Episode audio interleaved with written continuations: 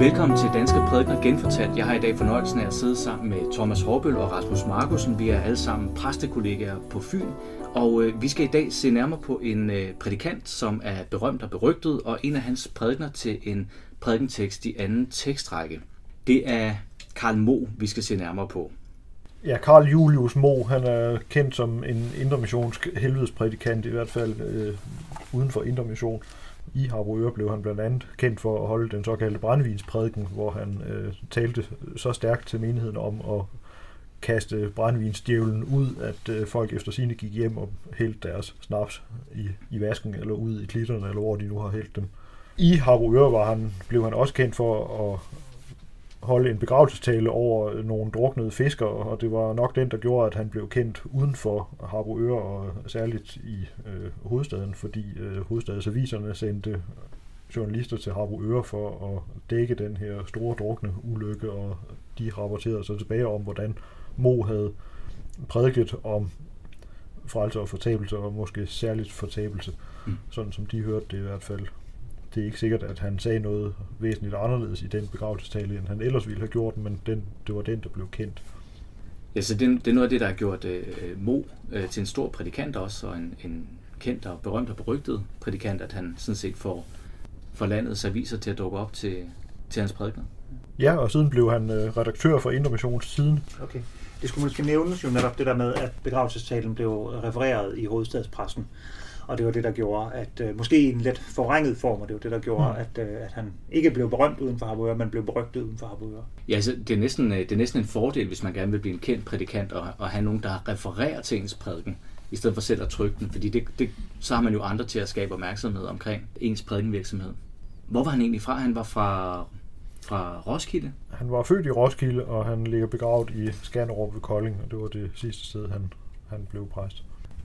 Thomas, du var inde på det der med, med Harbo Øre, at øh, det sted er på en eller anden måde forbundet med, med Karl Mo. Den Nej, det er måske forbundet med, med, med intermission, eller med måske særligt med folks billede af, eller forestilling af, hvad, hvordan et, et samfund af missionsmennesker ser ud. Men, men hele den der idé om, at et sted ligesom sætter nogle spor i måden, man øh, bedriver teologi på, eller måden, man prædiker på, øh, det, det synes, altså der synes Harbo Øre i hvert fald at være sådan et kerneeksempel, at, at der er en eller anden nærmest en fiskerprædiken, mm. øh, der lyder der, og som har sådan en, en nogen, nogen kan holde den ud, og andre må bukke under for, for hårdheden i den. Øh, men det, det hænger sammen med... Det er en forestilling om, at hvordan de øh, magre og karske, øh, karige jorder øh, deroppe og, øh, og det nådesløse hav, som de må leve af, hvordan det former øh, øh, naturen, øh, ikke bare udenom menneskene, men også naturen inde i menneskene. Og der er jo en forestilling øh, om, at før Karl Mo holdt sin brændevinsprædiken, at der var de mennesker, der levede ved Harboøre, de var endnu værre end alle andre mennesker på grund af deres barske livsomstændigheder. Og at øh, efter Karl Mo holdt sin brændevinsprædiken, så blev de bedre end alle andre mennesker. Så, øh, så på en eller anden måde, så, øh, så, så synes man, at øh, naturen afspejler sig i de her tavse, stovte fiskere ja. ved Harboøre. Ja, Ja, så det, det er en form for topografisk teologi, at, øh, at, at stedet smitter af på teologien, og teologien er med til at præge stedet. Og så, og så har man skabt en eller anden forening, som er svær at ryste af sig. Ja. Man har jo også fiskerne, altså hans kirkes billede af fiskerne, som næsten også passer ind i, i Harboøre og, og, og, og det område, som sådan den her, det her strenge område, og derfor også en streng forkyndelse. Ja. Men det... Og hvor det jo kan nævnes, at, øh, at hans, altså, Fiskerne er jo en meget kritisk bog, men, men, men Hans Kirk siger så har beundret øh, det her fiskermiljø meget, netop på grund af den meget sådan, stærke sociale øh, tvang og øh, orden, der var i det her, øh, det her miljø. Ja. Der er jo ikke langt fra, øh, fra fanatiske øh, kristne øh, til fanatiske kommunister, så Hans Kirk må have kunne se et eller andet i det. Det, der er det sjove i den roman, det er jo sådan set også, at vi flytter fra Harbo, hvor det er virkelig strengt, og, og næsten også så strengt, at man ikke har noget at leve af, ned til et sted, hvor der er lidt bedre kår. Og så, så, så bliver teologien så også desto mere slap, og det skaber så et problem, fordi øh, fiskerne så øh, risikerer ikke at kunne være reguleret så hårdt. Og så må de jo så have en, en, en rigtig sand harboøre-prædikant ned og hjælpe dem. Ikke? Øh, så, så den her, den her topografiske opsætning af, af sted og teologi, den, den er på en eller anden måde også flytbar. Ja, men man kan tage en, øh, man kan tage en fisker ud af Harboøre, men man kan ikke tage Harboøre ud af fiskeren. Sådan, lige præcis. Thomas, du var også inde på, at, øh, at han måske er mere berygtet, end han, han er berømt. Ja, det afhænger jo nok af, hvilke miljøer man selv kommer fra, men Det er selvfølgelig rigtigt. Men det her omdømme her, det, det hang sammen med den brændevinsprædiken, der ligesom satte øh, en, en vækkelse i gang på egnen. ja, hvor tilhørende helt konkret gik hjem og hældte brændvinen ud og begyndte på et nyt liv. Ja. Der er en fortælling, der lyder, at, øh, at han mødte nogle unge mennesker, der var, der var fulde tidligt på dagen, og går ud og spørger dem, øh, hvorfor er I så fulde tidligt på dagen? Men der var ikke nogen ironi i det her. De, De var fulde. de var fulde, og de havde fået smok her og, og brændevin, og det var det, de fik i hver stue. Det var det, man bød på, og det er jo klart, at i det her barske landskab, der skal man have noget at, at styrke sig på og stå imod med. Øh, så, så da han tager dem, det fra dem, så, så må der jo komme noget andet øh, stærkt i stedet. Øh, og det bliver så den her nye øh, teologiske retning. Mm. Og Så, og der er det igen sådan jo med hensyn til brændevinsprædiken, at lidt ligesom at begravelsestalen kun var refereret i hovedstadsaviserne, så er brændevinstalen jo også øh, forsvundet. Så vi, man ikke ved præcis, hvad det er, der er blevet sagt, men den er i hvert fald i referater gået over i historien som, som værende ikke øh, så lidt af en opsang Ja. og, en, og, en, og en flammeprædiken. og det, det vi måske også lige skylder at sige, fordi det er hverken øh, den her brændevinsprædiken eller øh, bådsulykkeprædiken, vi skal se på. Øh, det er jo nok de mest kendte formodentlig, øh, men, men det er en helt tredje, den skal vi nok vende tilbage til. Men vi skulle måske bare lige nævne, at øh, brændevinsprædikenen var en prædiken til tredje søndag i fasten, øh, hvilket er en, øh, også en nærmest, hvad skal vi sige, litterær kendt prædiken, fordi den tages op senere hen af, Martin A. Hansen i Løgneren. Øh, Øh, og det er så det her billede med djævlen, der bliver, der bliver anvendt, ikke? At det bliver brændevinsdjævlen, man skal, man skal, man skal rydde ud af huset, ellers så vender den syvfoldigt igen. Øh, så skulle vi måske også lige sige, at prædikenteksten til bådsulykken, at det var Lazarus opvækkelse. Altså en prædiken, han holder i 1893 i forbindelse med øh, 26 fiskers forlig. Nå, men det er jo ikke de to prædikener, vi, vi skulle tale om. De, de skulle bare lige nævnes her, fordi det er det, han er mest kendt for. Skal vi, er vi nået dertil, hvor vi øh, zoomer ind på prædikenteksten? Det kan vi godt gøre, og det er altså en øh, prædiken til øh, første søndag efter Hellig Tre Konger, betitlet øh, Børnene og Guds rige. Det er en prædiken øh, holdt over Markus evangeliet kapitel 10, vers 13-16. Det vi så udmærket, øh, kender så udmærket som børneevangeliet, og som øh, vi læser i forbindelse med øh, dåbsritualet. Og den er renskrevet øh, en gang mellem 1917 og 1920, øh, på et tidspunkt, hvor Mo øh, sad og arbejdede, øh, i sin fritid sad og arbejdede med en postille til anden tekstrække. Karl Mo, han har jo udgivet en, en prædikensamling i første tekstrække, og, og den her prædikensamling her over anden tekstrække, den er så udgivet posthumt. Ja, det er måske bare lige vigtigt at få med, at missionsfolkene var jo nogle, altså Indre Mission, nogle af de første til at, og simpelthen få udgivet på stiler over anden tekstrække tekster. Så at han gør det, det viser sådan set, at han er på, på noderne. Men, men det her, den her prædiken, vi skal se på, det er vel en prædiken fra den, den senere Mo. Det må man formode, at det er, når han sidder øh, nede i Skanderup øh, og efterhånden er kommet op i årene, og så øh, sidder og samler gamle udkast og skriver helt nye prædikener til den her postille.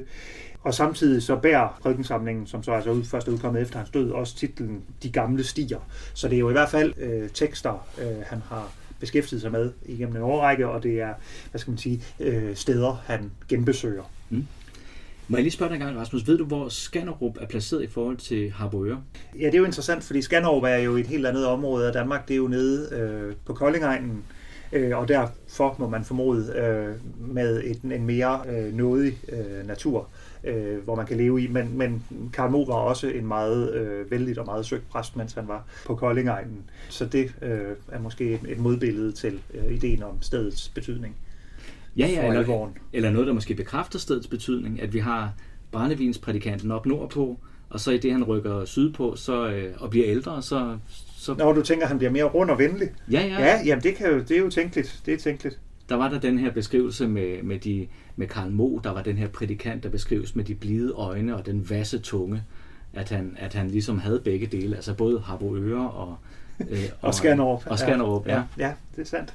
Den begravelsesprædiken, som Karl Mo holdt over de 26 fiskere i Harboøre, der er det jo ved at lægge mærke til, at den faktisk blev holdt efter, at han var flyttet til Skanderup, så han er blevet kaldt hjem eller kaldt tilbage til, til Harboøre for at, i, i den krisesituation, det har været med 26 druknede fiskere.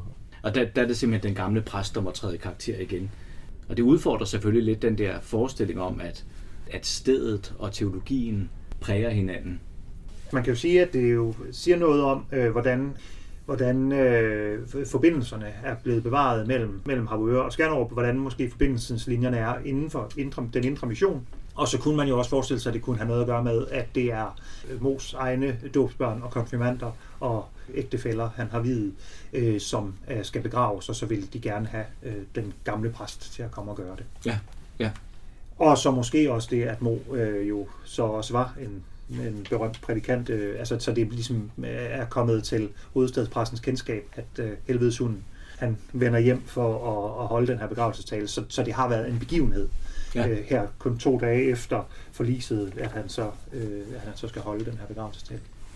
Udmærket. Lad os se på den her øh, prædikentekst til øh, første søndag efter Hele Tre Konger i anden tekstrække. Jeg læser lige indledningen på prædikenteksten, fordi den sådan set siger det meget godt. Altså den her tekst kender vi jo udmærket, men hvordan skal man så gribe det an? Og Karl Mo han siger så, denne tekst er den, vi hører oftest i Guds hus. Den bliver læst op, hver gang et barn bliver døbt. Men der er nu mange, som har så forfærdeligt travlt med at komme ud af kirken så snart som muligt. Men alle blandt os, som er vant til at blive under dåben, vi kan jo dette evangelium udenad.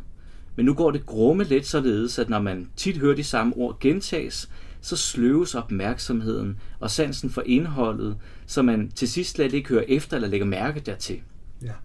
Så det vil altså sige, at der er nogle øh, mennesker her i denne verden, som har for travlt til at høre, hvad det er, Jesus vil sige til os, og der er nogle mennesker, der har for god tid til, at de kan høre efter, hvad Jesus vil sige til os. Det er simpelthen os alle sammen, stort set, som, øh, som, som ikke er opmærksom på indholdet i, øh, i prædikenteksten. Enten for lidt eller for meget. Ja, og der kommer han også så lidt til hjælp ved at begynde at udlægge teksten, og det første, han slår fast, det er, at den her tekst, den er skrevet om børn, men til voksne. Ja. Altså det her dåbsevangelium. Og det er vel fordi, at, øh, at når vi hører øh, evangeliet forkyndt, så er det fordi, at vi alle sammen skal høre det som direkte tiltale. Vi skal alle sammen øh, tage det op til alvorlig selvprøvelse, som Karl Mo siger. Ja, og det er sjovt, at han bruger det her ord selvprøvelse, fordi det bliver ligesom et, et, et middel for ham til at vække tilhøren, eller både læseren og tilhøren, op af den her øh, døs, den her uopmærksomhedsdøs. Og selvprøvelsen bliver så et, en, en, en form for figur, han anvender i, i løbet eller igennem prædikenen. Det Mos prædiken handler om er, øh, siger han selv kort sagt, at øh, hvad børn og Guds rige de har med hinanden at gøre. Det er det evangeliet det handler om. Og man kan sige så meget som, at øh, evangeliet det handler om børn, men alligevel så er det henvendt til voksne. Og det gør, at vi ikke kan overhøre det, når Jesus siger, sandelig siger jeg, den som ikke modtager Guds rige, ligesom et lille barn, han skal ingenlunde komme ind i det. Ja, så der er både nogen, der kan komme ind i Guds rige, og så er der nogen, der ikke kan komme ind i Guds rige. Ja, og øh, denne mulighed for fortabelse og mulighed for frelse, øh, den skal så få os alle sammen til at høre efter evangeliet, sådan at vi kan bruge det til alvorlig selvprøvelse. Og så det næste punkt i prædikenen, det er jo sådan set, at... Øh... Han bruger et bestemt billede på Guds rige, nemlig templet, det jødiske tempel i, i Jerusalem, hvor øh, Mo siger, at, øh, at det allerhelligste, der hvor, hvor Gud selv er, det er et sted, hvor man ikke kommer ind, uden at man er kommet igennem det hellige, som ligger udenom, og det hellige, som ligger udenom, det er Guds rige her på jorden, siger han, samfund med og livet i Gud. Så kunne man jo have forventet, at der også ville være nogle forgård udenom, en jødisk forgård og øh, en hedningenes forgård, men dem nævner Mo ikke noget om. Altså det profane mangler. Der er grader af hellighed. Ja. Der er det allerhelligste, og der er det hellige, og det er det, Mo interesserer sig for. Øh, og det ligger måske op til den øh, skillen, som han, de også var kendt for i den indre mission, det her med skæld mellem øh, Guds børn og verdens børn, og imellem himmel og jord, imellem øh, de helliges samfund og alle de andre.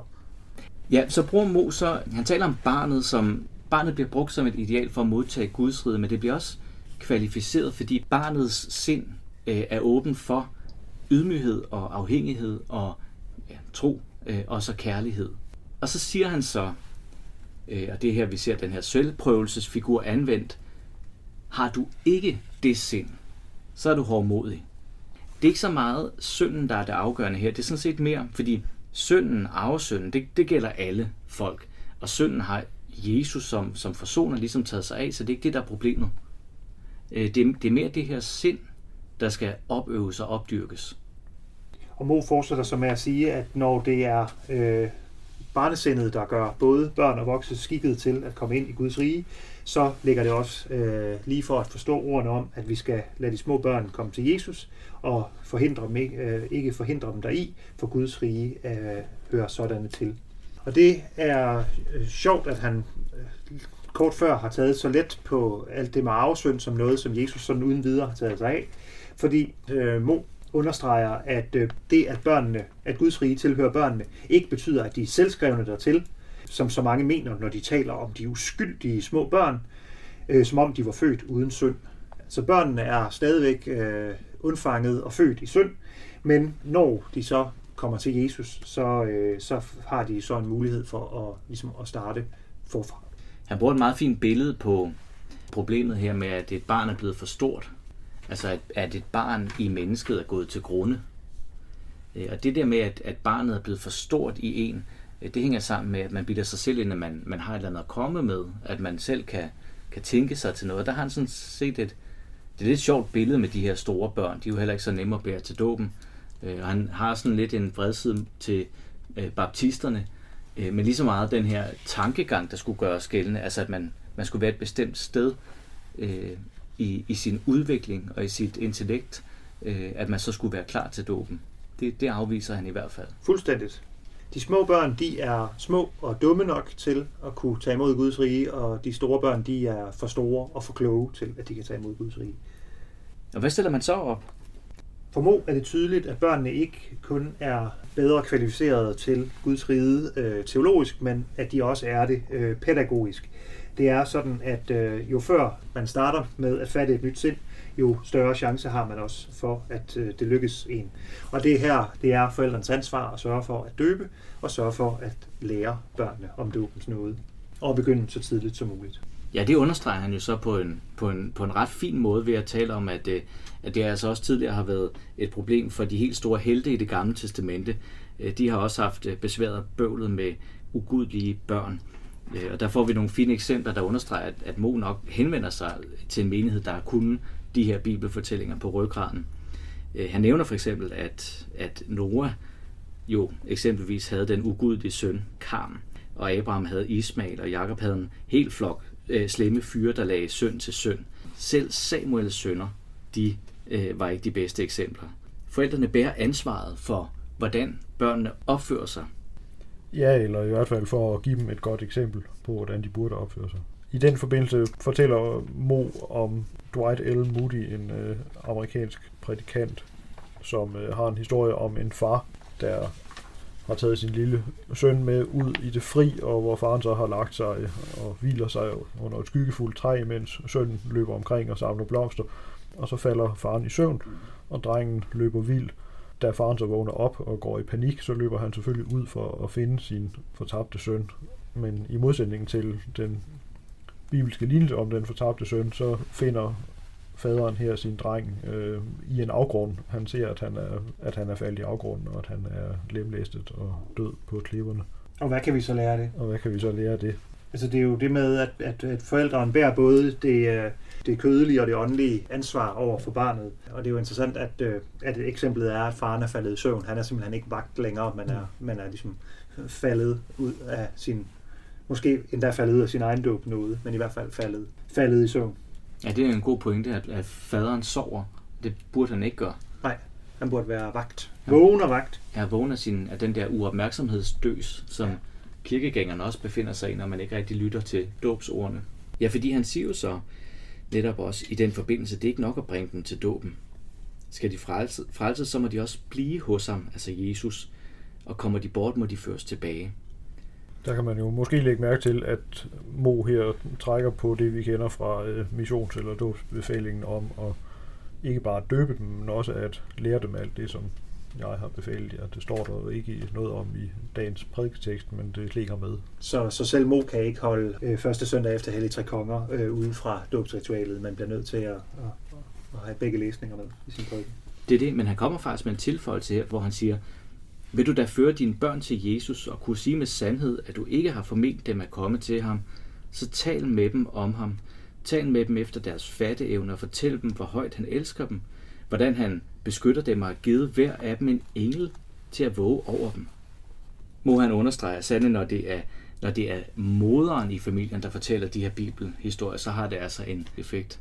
Og så gælder det både mor og far, at de, øh, at de skal sørge for at gå foran barnet med et godt eksempel, sådan at barnet kan se på dem som, som de gode eksempler, så de ved, at de ikke skal lyve, fordi mor og far ikke lyver. Så der er også en afsluttende advarsel imod hyggeleri. Ja, det var, øh, det var Mos prædiken her i anden række, en prædiken om, om dåb. Er det ikke påfaldende, at, at vi ligesom vi kom fra den her flammeprædikant, øh, der talte om, om brændevin og om, hvad der sker med druknede folk, til, til det her? Er han blevet øh, blodsøden, Mo? Det er ikke den masse tunge, men det er de milde øjne, der lyser øh, igennem denne prædiken. Det er de milde øjne, der, der synes at være mere fremtrædende end, end dom. Det kan selvfølgelig være noget med temaet at gøre, at det er dåb. Så man kan måske sige, at han udliciterer talen om fortabelsen til, øh, til denne her Moody, som han henviser til. Det er ham, der fortæller historien om, hvordan man bliver knust mod klipperne, hvis forældrene ikke er opmærksomme. Ja, så han, har, han henter dramatikken ind der. Hmm. Ja, øh, så det er mere et spørgsmål om forældrenes rolle over for børnene, mere end, end det er de kristne over for verden. Ja, det er jo tydeligt her, at Mo ikke taler til øh, hovedstadspressens øh, referenter og øh, ikke taler til fortabte og fordrukne sønder hjemme i Harboøre, men, men at han taler til en menighed, øh, som øh, han i forvejen har med sig, øh, sådan at det bliver mere sådan nogle mere principielle overvejelser omkring hvad dåben øh, den betyder, og hvordan man så øh, efterfølgende skal forholde sig til sin dåb. Så det er jo en, en, en ikke på samme måde kontroversiel prædiken, øh, vi har med at gøre her. Mm. Og så det der med at, at lytte til ordet, der bliver forkyndt, øh, og det er jo så et ord om dåben. Øh, ja, dåben i sig selv er, er, er vigtig, og den har ligesom sit eget program, men det er også vigtigt at lytte til ordene i prædikenen, fordi de skal vække dig den døs, du måtte befinde dig i. Og den døs er jo sådan set potentielt set farligt, øh, hvilket han får antydet, som, som du nævner, Thomas, med det her Moody-citat. Fordi den her far, der, fald, der er faldet i søvn, det har jo katastrofale konsekvenser. Og det kunne det jo potentielt set også have for øh, folk i menigheden, der også er blevet sløve og lige ved at falde i søvn, hvis de ikke er gået, gået ud af kirken allerede. De er ikke blevet hængende. Mm. Så der er ligesom sådan to farer, der er på spil her. Ja, så det kræver jo, at man hele tiden øh, lytter til Guds ord til alvorlig selvprøvelse, at man hele tiden besinder sig på det her nye sind, øh, som man skal have. Øh, så det er sådan, øh, som om, at man hele tiden er i fare for at falde ud af øh, sin dåbnåde, eller falde ud af den omvendelse, man som, som en af de vagte øh, har oplevet, at man hele tiden ligesom skal lave en lille omvendelse igen. Mm. Og det får han jo øh, på en eller anden måde pakket lidt ind. Altså det, øh, den dogmatiske pointe i det her billede med at være faldet i søvn. Fordi det virker jo sådan set øh, uskyldigt nok. Altså det, det sker jo for os alle sammen hele tiden. Men vogt dig, fordi... Det kan have katastrofale konsekvenser. Det kan det.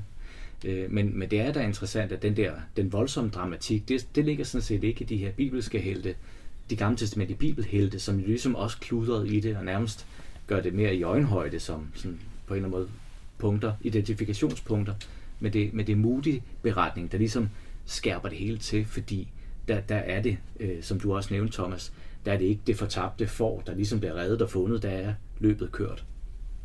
Godt, jamen tusind tak for, øh, for den her samtale om, øh, om en prædiken af Karl Mo. Jeg håber, vi kan gøre det igen. Thomas og Rasmus og Christian her ved mikrofonerne.